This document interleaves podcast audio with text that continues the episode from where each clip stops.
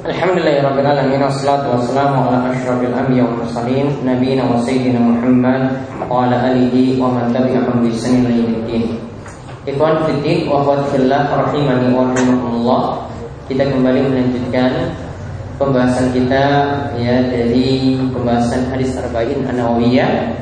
Masih kita berada dalam pembahasan hadis nomor kelima yaitu dari hadis Aisyah radhiyallahu anha yang membicarakan tentang amalan yang tidak ada tuntunan. Dan tadi eh, pada sesi sebelumnya kita lihat bahwa yang namanya amalan itu ada dua macam, yaitu ada ibadah dan ada muamalah. Nah, di sini kita melihat penjelasan Ibnu Rajab untuk menjelaskan bid'ah dalam ibadah beliau bagi menjadi dua. Yaitu ada yang tadi yang pertama tidak ada dalil sama sekali. Atau ini menyelisihi hukum Allah dan Rasulnya. Keluar dari hukum Allah dan Rasulnya secara total. Contohnya tadi eh, menganggap beribadah dengan mendengarkan musik atau nyanyian. Kemudian menganggap lagi ibadah dengan tepuk tangan di dalam sholat. Menganggap lagi ibadah dengan bersiul. Menganggap lagi ibadah dengan tidak memakai penutup kepala. Maka seperti ini tidak ada dalil secara eh, tidak ada dalil sama sekali. Kharijan kharijan min hukmillahi wa rasuli yaitu sudah keluar dari hukum Allah dan Rasulnya maka amalan tersebut jelas-jelas tertolak Ya, jadi tidak bisa kita katakan oh sebagiannya diterima, tidak. Karena ini sama sekali tidak ada dalilnya. Ya, yang tidak ada dalilnya seperti ini maka tertolak sama sekali. Nah, kemudian yang kita bahas yang kedua ini adalah ibadah yang dia punya sisi pokok yang ada dalil. Misalnya dia lakukan sholat, sholat itu ada dalilnya, sama seperti kita lakukan sholat tadi. Ini ada dalilnya. Namun bisa jadi di dalam sholat ini dia beri tambahan. Ya dia beri tambahan di dalamnya. Atau ketika memulainya dia beri tambahan. Misalnya di sebagian tempat itu kadang membaca ayat-ayat tertentu kemudian diam. Atau mungkin mereka jamaah membaca suatu zikir tertentu yang ini mereka tambahkan. Tidak pernah Nabi SAW itu ajarkan. Ya tidak pernah Nabi SAW itu ajarkan. Maka tambahan seperti ini ya, ini kita bahas yang kedua. Atau ibadah tersebut dia kurangi. Ya, dia kurangi ketika itu. Nah, ini sekarang yang tadi ditanyakan oleh Ibn Rajab, apakah jika ada tambahan atau ada sesuatu yang berkurang tadi, amalan pokoknya itu jadi tertolak, maka beliau katakan beliau tidak katakan di sini semuanya tertolak, Beliau juga tidak katakan semuanya itu diterima, namun butuh rincian. Nah, rinciannya sekarang beliau rinci yang pertama, jika ibadah tersebut ada bagian tertentu yang hilang.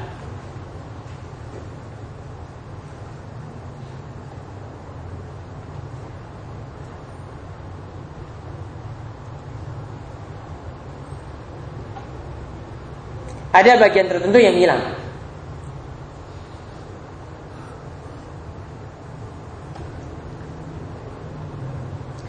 Misalnya, saya contohkan kalau ini hilang dari ibadah, maka ibadahnya jadi batal, tertolak. Contoh di sini disebutkan oleh Ibnu Rajab, jika ada yang tidak bersuci untuk sholat, dia hilangkan apa? Bersuci ketika itu. Padahal mampu untuk bersuci. Padahal mampu untuk ber, bersuci. Mampu untuk berwudu. Kalau tidak ada air dia tetap juga mampu untuk tayamum, tapi sama sekali dia tidak mengambil cara untuk bersuci tadi. Atau dia juga menghilangkan ruku, sujud atau tumak nina dalam sholat.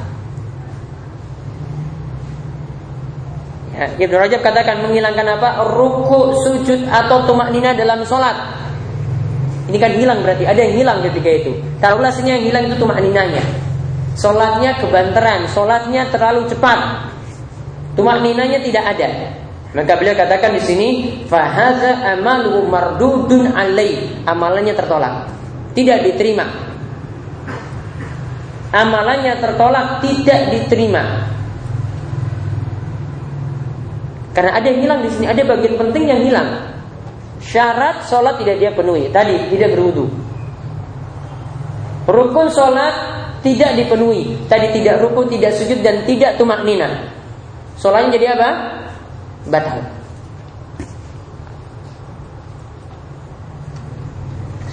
Kemudian ada juga yang di sini beliau sebutkan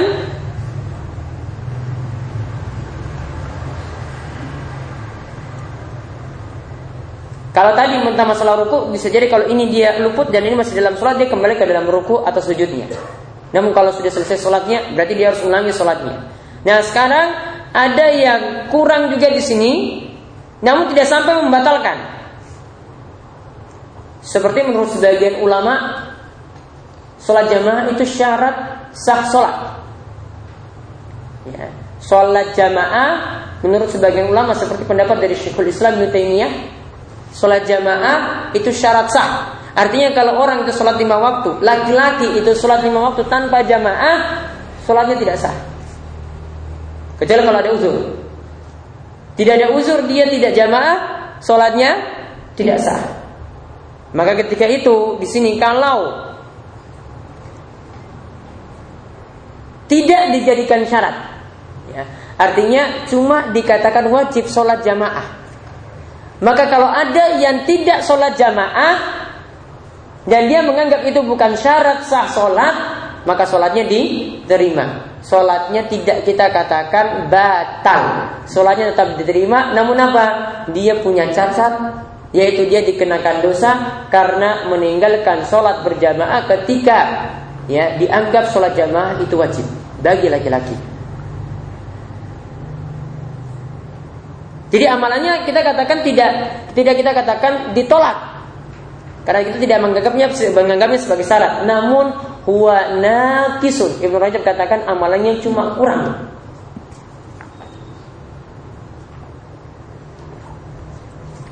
Itu tadi jika ada apa?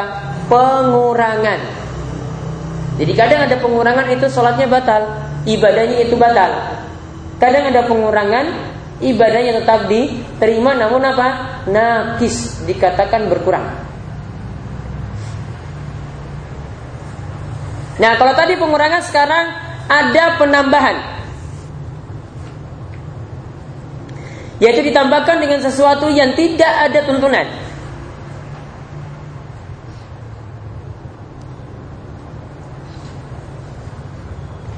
Maka bisa jadi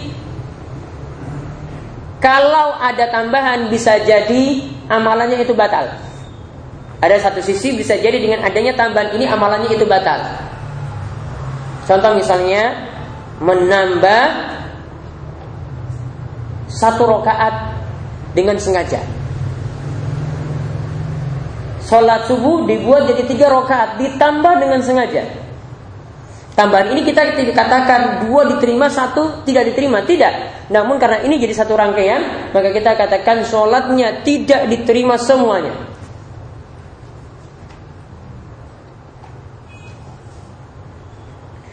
Kemudian ada ibadah yang ada tambahan tetapi yang pokok itu tetap diterima. Yang tambahan ini saja yang bermasalah. Contoh berwudu empat kali basuhan berwudu empat kali basuhan.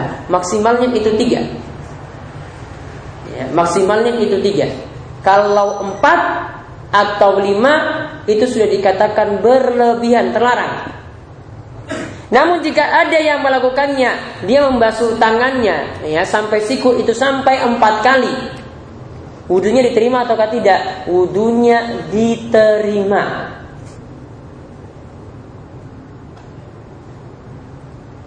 Termasuk juga di sini kata Ibn Rajab beliau bercontoh lagi kalau ada yang puasa langsung lanjut. Sekarang sudah waktu berbuka, lanjut lagi sampai sahur kemudian dilanjutkan puasa keesokan harinya atau dikenal dengan puasa wisol.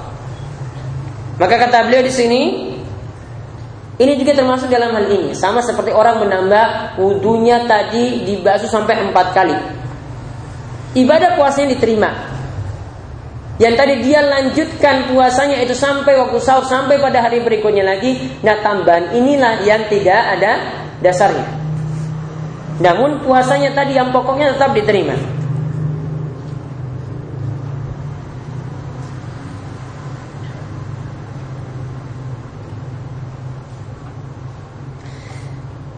Dan kadang cuma dinilai haram seperti misalnya ada yang menggantikan ibadah itu dengan sesuatu yang lain yang haram. Contoh menutup aurat dengan pakaian yang haram atau berwudu dengan air curian atau duduk, atau sholat di tanah rampasan.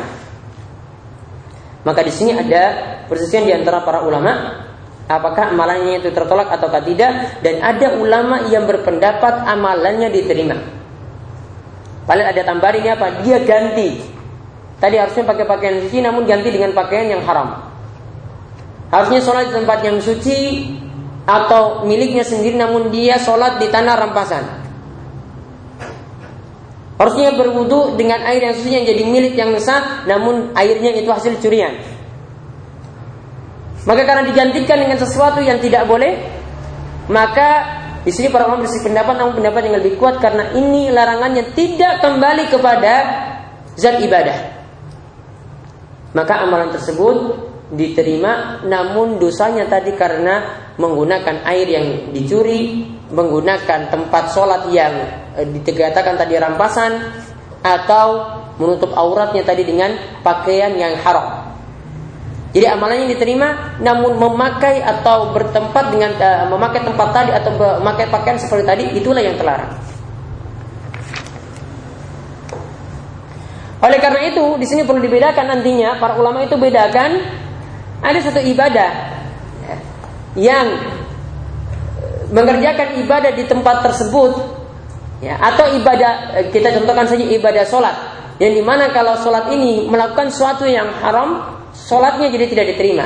Ada sholat juga melakukan sesuatu yang haram namun sholatnya masih diterima namun dikatakan berdosa. Contoh misalnya di sini para ulama bahas bagaimana tadi sholat Ya, kalau orang itu sholat dengan sesuatu yang najis, sholat dengan tanpa menutup aurat, sholat dengan tidak menghadap kiblat. Kalau misalnya sholat dengan tidak menutup aurat atau sholat dengan tidak menghadap kiblat, ini sholatnya sah atau tidak? Sholatnya sah atau tidak? Tidak sah. Karena apa? Ada larangan khusus yang tertuju langsung pada larangan tersebut, yaitu sholat ya harus tetap menghadap kiblat. Kalau siapa yang tidak sholat menghadap kiblat, sholatnya tidak sah. Ya, ketika sholat haruslah menutup aurat. Kalau tidak menutup aurat juga sholatnya tidak sah. Namun ada sholat yang ini melakukan sesuatu yang terlarang, namun sholatnya masih masih bisa diterima. Ya, contoh misalnya sholat tadi di tanah rampasan. Di sini tidak ada dalil yang tegas yang mengatakan bahwasanya sholat di tanah rampasan sholatnya tidak sah. Artinya tanah rampasan tadi ini larangan tersendiri. Sholat itu butuh dalil khusus juga tersendiri. Karena tidak ada yang mengatakan bahwasanya sholat di tanah rampasan itu jadi tidak sah. Maka kita katakan bahwasanya sholatnya tetap sah kalau sholat di tanah rampasan, namun dia melakukan larangan karena sholat di tempat semacam itu. Jadi sholatnya malah diterima, namun tetap dalam keadaan melakukan sesuatu yang haram.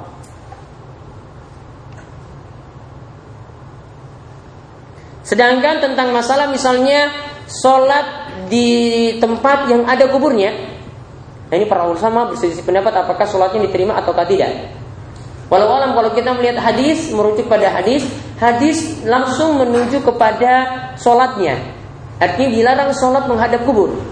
Maka kalau larangannya seperti itu berarti yang tertuju adalah sholatnya. Berarti siapa yang sholat di tempat yang ada kuburnya sholatnya tidak sah. Kecuali kalau dia mengetahui larangan tersebut setelah dia sholat. Kecuali kalau dia mengetahui larangan tersebut setelah dia sholat. Maka dimaafkan. Ya maka dimaafkan seperti itu.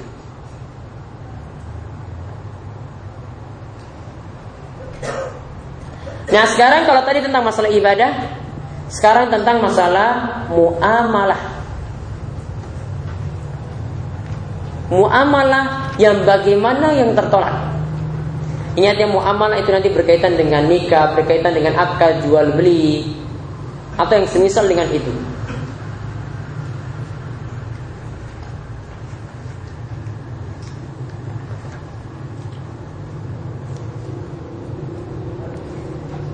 Maka di sini Ibnu Rajab bagi menjadi beberapa di sini yang pertama jika sampai merubah hukum.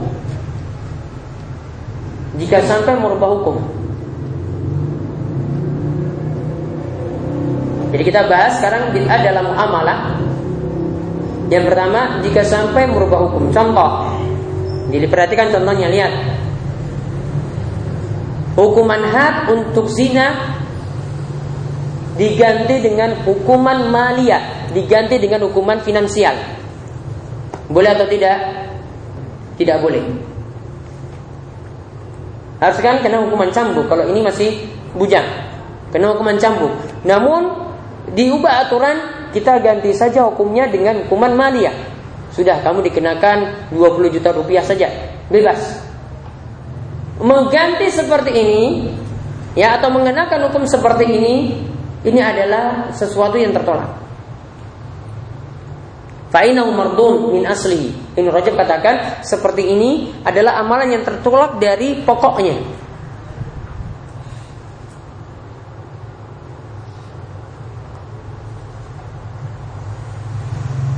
Kemudian yang kedua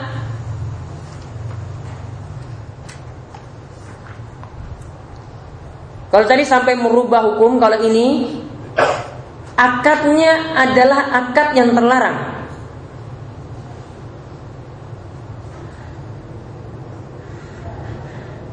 Karena orang yang transaksi tidak diperkenankan oleh syariat atau tidak terpenuhi syarat-syaratnya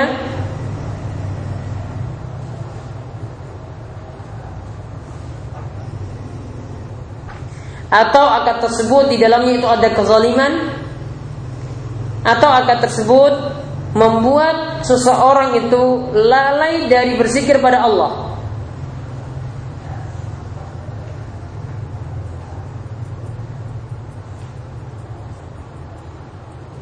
Ya, sekarang tentang amalan seperti ini apakah amalannya akadnya itu ditolak secara total ataukah diterima? Maka di sini para ulama bersih pendapat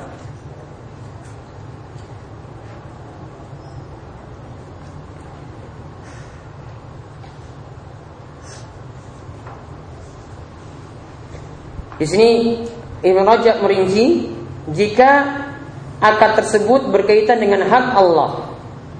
Yang pertama ya, jika akad tersebut berkaitan dengan hak Allah,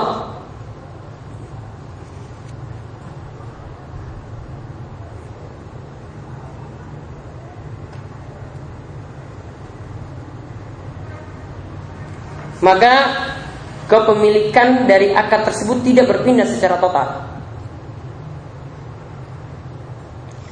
Maka kepemilikan dari harta tersebut tidak berpindah secara total. Contoh misalnya jual beli barang haram. Jual beli barang haram.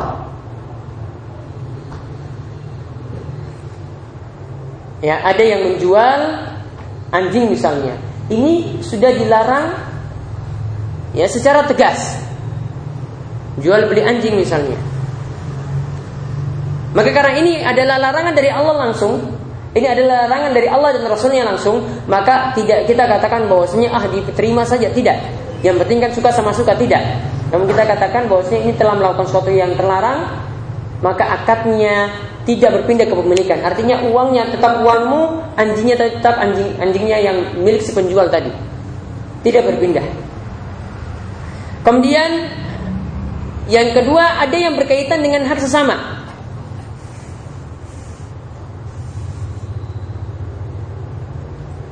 Ada yang berkaitan dengan hak sesama.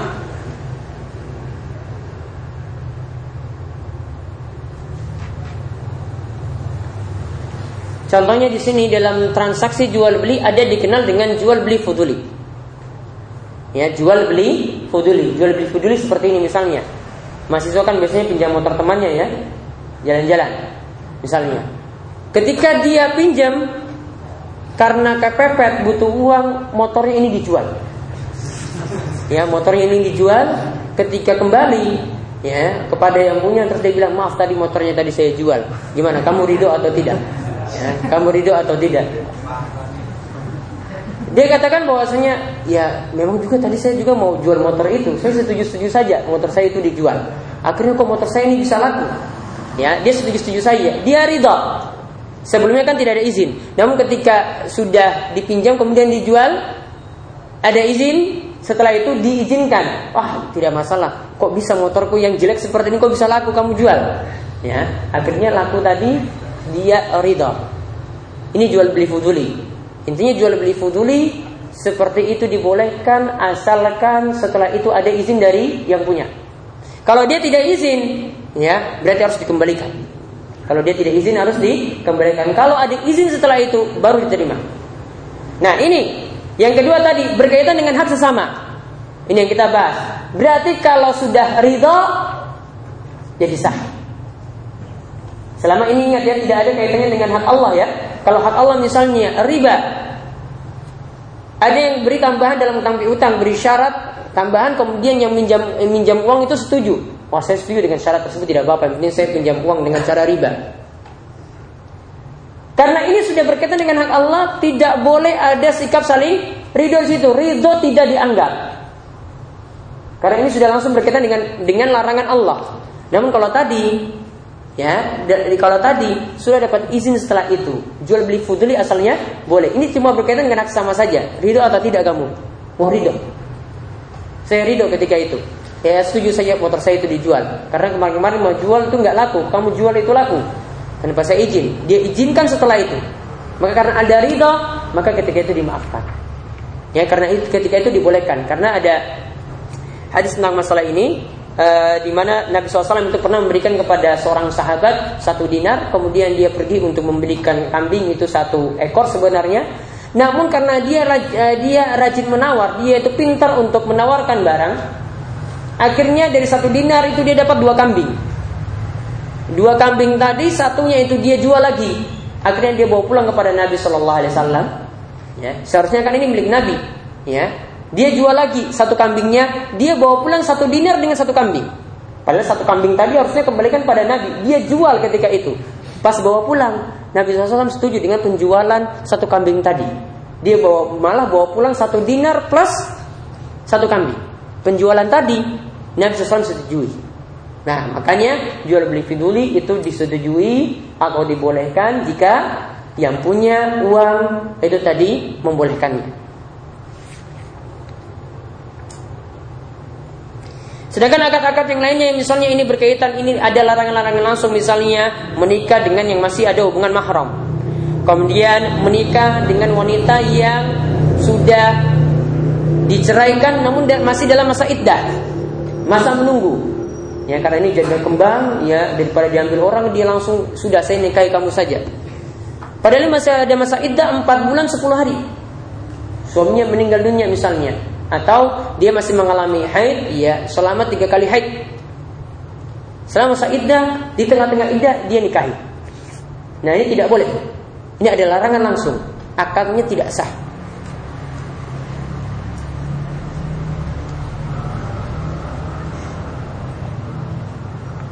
Tadi juga akad riba, ini juga akad yang tidak sah. Ya, kemudian tadi ada juga akad jual beli khamr ya jual beli bangkai, jual beli babi, jual beli patung dan anjing, semua ini terlarang.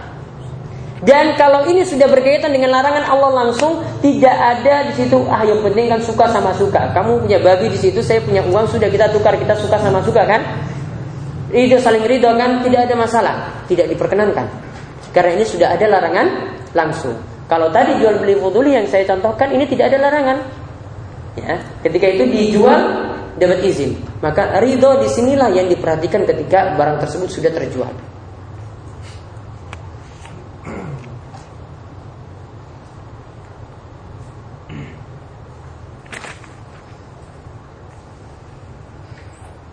Dan di sini Ibnu Rajab memberikan contoh-contoh yang lainnya, dia berikan contoh begitu banyak. Jadi intinya yang kita bahas tadi ya, ingin mengetahui bid'ah ternyata bukan dalam masalah ibadah saja. Atau kita ingin mengetahui amalan-amalan yang tertolak itu bukan dalam masalah ibadah saja.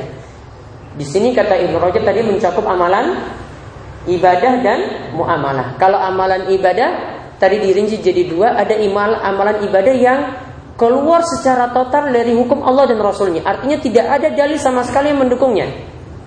Kemudian yang kedua, ada ibadah yang ada dalilnya dari dilihat dari pokoknya. Namun situ ada ada sesuatu yang ditambahkan atau ada sesuatu yang dikurangkan. Kemudian yang tadi yang terakhir tentang masalah muamalah.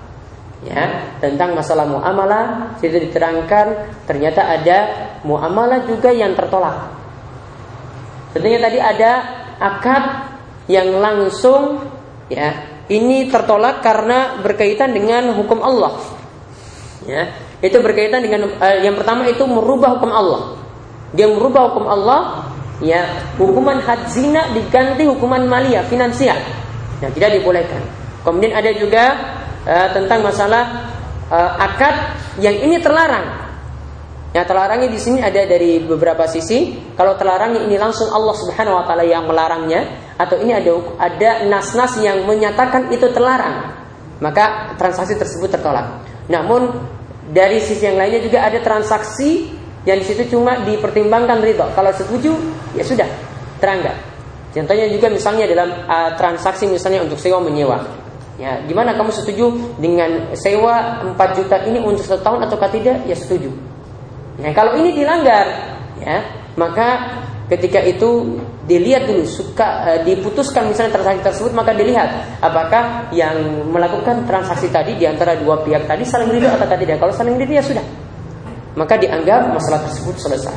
Nah ini demikian yang bisa kita bahas untuk masalah bid'ah. Insya Allah pada pertemuan berikutnya kita melanjutkan pada hadis ke-6 tentang masalah ya Inilah halal bayyun bayyinun wa innal harama bayyinun yaitu dari hadis Nu'man bin Bashir yaitu yang halal itu jelas, yang haram itu jelas dan di antara keduanya itu adalah perkara-perkara syubhat. Jadi yang kita bahas nanti pada hadis berikutnya adalah tentang perkara halal, haram dan syubhat. Ya sebelum kami tutup, monggo jika ada pertanyaan.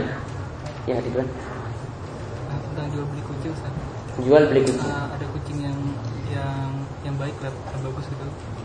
Tetap penjualnya tidak memberikan mesti kita bayar. Nah, apakah boleh membeli? Kalau kita minta nggak dikasih. Ya. Ya. Tapi kalau beli nanti dia kasih. Di sini ada khilaf sebenarnya untuk masalah kucing, apakah dibolehkan untuk membelinya jika ada manfaat. Ya, sebagian ulama seperti ini pendapat dari Imam Nawawi juga bahwasanya masih dibolehkan kucing jika dalamnya ada manfaat. Namun Allah alam dalil katakan tegas naha an samanis sinau. Rasulullah SAW itu melarang dari upah jual beli kucing. Di sini tidak ada kata pengecualian. Maka yang lebih aman juga tetap untuk kucing yang bagus seperti itu tidak diperoleh dengan jalan jual beli. Hanya boleh apa? Dihadiahkan, ya, diberi secara cuma-cuma. Tidak boleh sama sekali dengan jual beli. Ada lagi yang lain? Ya.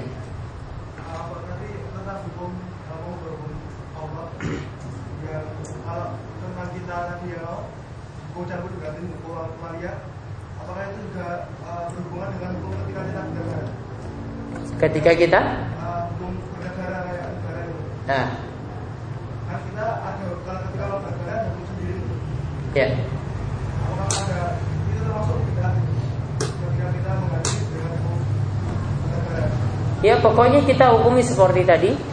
Ya jika sudah ada hukum seperti ini Islam sudah memiliki hukumnya Maka ketika ini diganti dengan hukum maliyah Ini tidaklah tepat. Artinya itu amalan yang tidak ditentukan dalam Islam. Namun ini sekarang masalahnya Kalau mau dikatakan terus negaranya ini bagaimana? Kita hukumi apa seperti itu? Kok mereka tidak menjalankan hukum Islam? Untuk masalah ini saya sarankan tidak perlu telusuri sampai lebih jauh seperti itu. Ya cukup kita hukumi tentang masalah ini saja karena tentang masalah menghukumi nanti negaranya ini bagaimana. Ya, ini masalah yang lainnya lagi melebar ke masalah yang lainnya. Ya, karena orang berhukum dengan hukum selain Allah itu punya rincian. Ada dia berhukum dengan hukum selain Allah itu karena ridha. atau menganggap hukum selain Allah itu lebih baik. Maka ini jelas ini kekufuran yang nyata.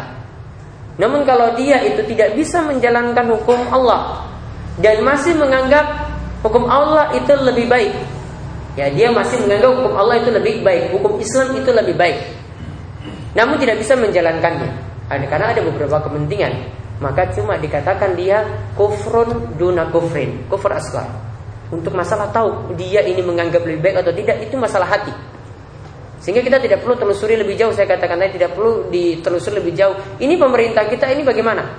Karena kalau kita urusi seperti ini capek. Kita diri kita sendiri masih banyak kekurangan kok ngurus negara untuk menghukumi negara ini kafir ataukah tidak? Padahal diri kita masih punya punya kekurangan, belum tahu tentang masalah hukum-hukum agama, belum tahu masalah hukum yang lainnya. Maka untuk masalah seperti itu, saya sarankan tidak perlu ditelusuri, cukup kita tahu hukum globalnya saja. Ya, biar masalah ini tadi karena ini ujung-ujungnya kembali ke masalah hati menganggap lebih baik ataukah tidak ya maka ini yang perlu ya tidak perlu kita sampai lebih jauh tentang masalah itu ada lagi ya nah, kalau misalkan seorang melakukan bid'ah tapi ketika dia melakukan bid'ah itu timbul rasa khaufnya kepada Allah itu itu khaufnya kepada Allah itu di tidak jadi ketika melakukan bid'ah kemudian dia punya rasa khauf yang besar kepada Allah Subhanahu wa taala. Apakah rasa khaufnya tadi dinilai berpahala ataukah tidak? Maka dilihat di sini uh, jika ya di sini ada tadi kita sudah lihat ada satu ibadah satu ibadah yang memang tidak ada dalil sama sekali namun ada ibadah yang di situ ada satu sisinya itu ada dalilnya sisi yang lain itu adalah tambahan kalau kita perhatikan di sini ada sisi khauf. Khauf itu adalah ibadah. Ketika dia melakukan amalan tersebut bangkitlah rasa khauf dan khaufnya itu adalah khauf ibadah. Namun amalannya yang dia lakukan di sini adalah amalan yang tidak ada tuntunannya. Misalnya dia melakukan zikir-zikir secara berjamaah kemudian timbul rasa takut yang tinggi. Ada yang menangis ketika itu, dia juga ikut terharu dan ingat akan dosa-dosanya. Maka kita katakan bahwasanya Khaufnya tadi ini adalah ibadah tersendiri. Muncul rasa takut yang ini adalah ibadah tersendiri. Namun amalan yang dia lakukan tadi memunculkan khaufnya, memunculkan rasa takutnya ini adalah amalan yang tidak ada tuntunan. Jadi masuk dalam kategori yang kedua tadi. Ya, jadi ada amalan ibadah yang ditambahkan di situ dari amalan yang ada tuntunannya. Jadi dari sisi khaufnya berpahala. Kemudian dari sisi amalan yang dia buat-buat dia punya dosa tersendiri. Ya. Dia punya dosa tersendiri. Namun asarnya kalau amalan ibadah seperti ini, rasa takut seperti ini biasanya cuma sementara saja. Tidak akan muncul lagi berulang kali karena tidak didasari dengan sesuatu yang ada tuntunannya maka berbeda berpengaruhnya kalau rasa khaufnya itu timbul dari ibadah yang ada tuntunannya seperti merenungkan ayat Allah, seperti uh, memahami tafsir, seperti mengkaji uh, tazkiyatun nufus sesuai dengan tuntunan. Ini berbeda sekali pengaruhnya. Kalau tadi pengaruhnya sifatnya temporer, sifatnya sementara sehingga ya uh, dari sisi ini saja kita melihat kekurangan dari melakukan ritual-ritual semacam itu. Wallahu a'lam. Ada lagi? Ya orang melakukan dosa lalu apa orang yang melakukan dosa ini diikuti oleh orang lain. Kan dia mendapatkan dosa atas perbuatan sendiri dan orang yang orang lain lakukan. Lalu kalau misalnya dia sudah bertobat atas dosanya itu apa kalau orang lain masih mengikuti apa melakukan dosa karena melihat dia apa dia masih mendapatkan dosa orang lain itu? Seperti dosa dan jariah. Baik. Nah itulah akibatnya kalau suatu dosa itu diikuti oleh orang lain. Nabi SAW mengatakan mansanna fil islami sunnatan sayyi'atan. Siapa yang mengamalkan, ya, siapa yang menjadi pelopor, ya, menjadi pelopor dari amalan kejelekan. Lantas amalan kejelekan ini diikuti oleh orang lain, maka orang yang mengikutinya dapat dosa. Kemudian orang yang diikuti ini juga dapat dosa dari perbuatan dosanya dan dia juga nanti dapat dosa warisan dari orang yang mengikutinya tanpa mengurangi dosa mereka sedikit pun juga. Nah sekarang masalahnya bagaimana kalau yang telah berbuat dosa ini sudah bertobat? Artinya dia tidak jadi e, contoh lagi setelah itu. Maka yang bisa dilakukan yang pertama Dia nasihatkan orang-orang yang mengikutinya juga untuk bertobat. Kalau dia sudah nasihatkan Dia umumkan bahwa saya sudah tobat dari perbuatan maksiat ini maka saya minta kalian juga meninggalkannya. Namun ternyata yang mengikuti dia ini tidak mau berubah juga, itu urusan mereka dengan Allah. Yang penting ketika dia jadi pelopor ini dia bertobat, ya sudah tobatnya diterima ketika itu. Kalau dia sudah nasihati pada yang lain juga untuk bertobat tapi tidak mau, berarti saat itu dia tidak jadi pelopor lagi untuk kejelekan mereka. Ya, dan ketika itu dia berbanyak amalan kebaikan, memperbanyak sodako dan memperbanyak amalan kebaikan yang lainnya supaya menutupi amalan kejelekan tersebut. Wallahu Ada lagi? Ini.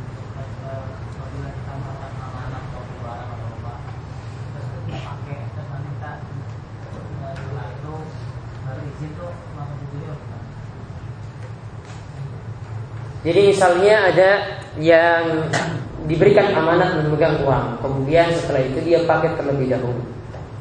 Ya, dia pakai terlebih dahulu, kemudian nanti setelah itu baru izin. Tentang masalah ini kalau jual beli fuduli, dari jual beli fuduli artinya ini juga dari satu sisi dia sebenarnya bermasalah. Namun ada kesempatan untuk dia ngaku bahwasanya barang tersebut telah dia jual ngaku baru bahwasanya barang tersebut telah dia jual.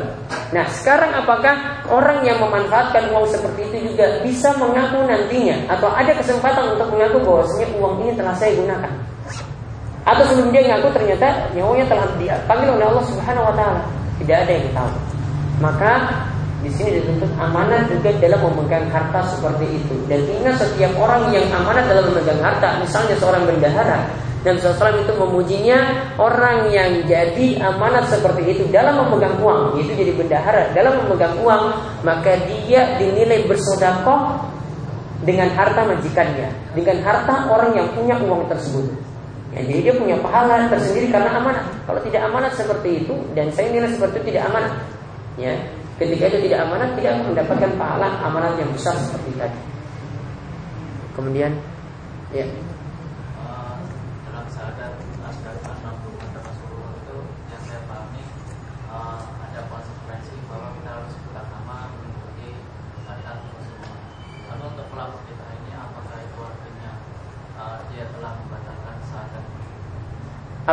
Pelaku bid'ah berarti sudah membatalkan syahadatnya?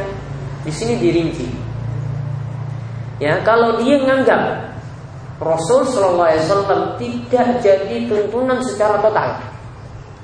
Ya, Nabi tidak jadi tuntunan sekali sama dia dalam uh, untuk beragama, untuk menggapai akhirat, tidak mengikuti jalan Nabi, jelas kafir. Ya, namun kalau dia sebagian yang mengikuti Nabi SAW atau dalam akidahnya mengikuti Nabi SAW, namun dalam amalan-amalan tertentu tidak mengikutinya, maka kita katakan dia cuma memiliki kekurangan dalam syahadat anna Muhammad dan Rasulullah tadi, tidak dikatakan kafir. Kafirnya ketika menolak secara total.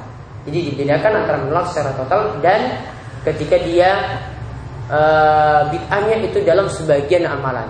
Ya, dan rata-rata kalau yang ngaku muslim dia punya bid'ah dalam sebagian amal, bukan total sehingga tidak bisa dikatakan dia itu kafir. Wallahu Ya, Hukum? Hukum apa?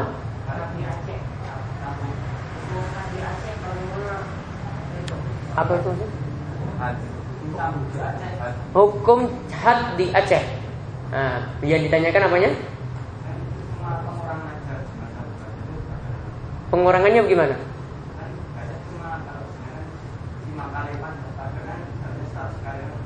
Iya. Cuma lima kali tambuhan saja.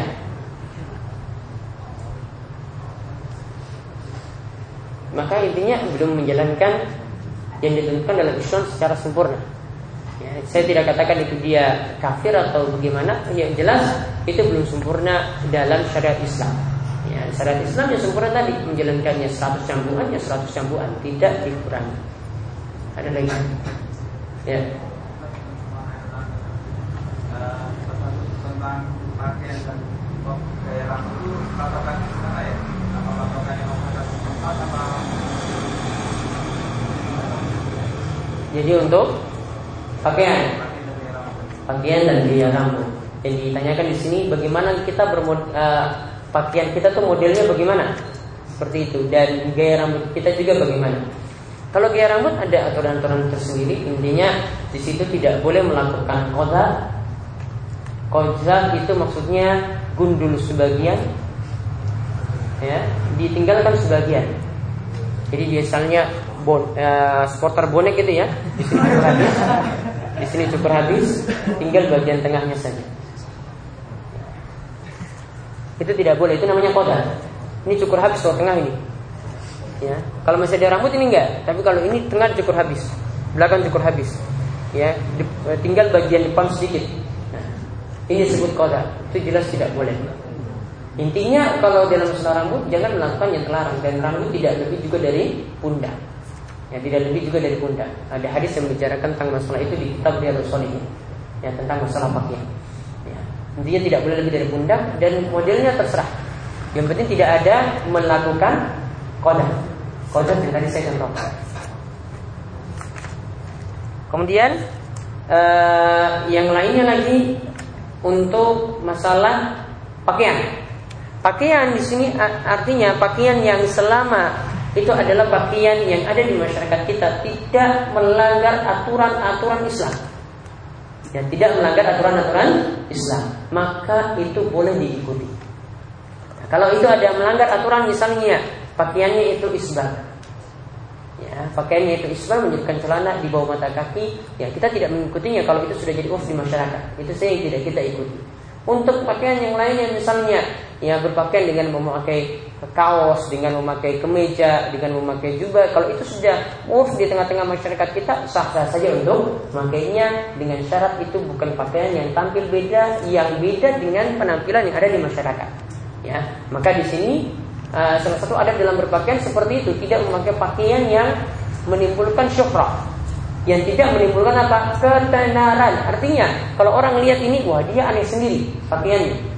Namun kalau ini sudah menjadi uruf di masyarakat seperti itu ya sah-sah saja dan ini sudah biasa sendiri di tengah-tengah masyarakat maka sah saja untuk menggunakan pakaian semacam tadi. Jadi pakaian tidak terlalu ketat seperti rambut tadi. Kalau rambut masih ada larangan-larangan tertentu. Kalau pakaian selama tidak melanggar syariat saja itu yang tidak diikuti. Wallahu Ada lagi? Ya, terakhir.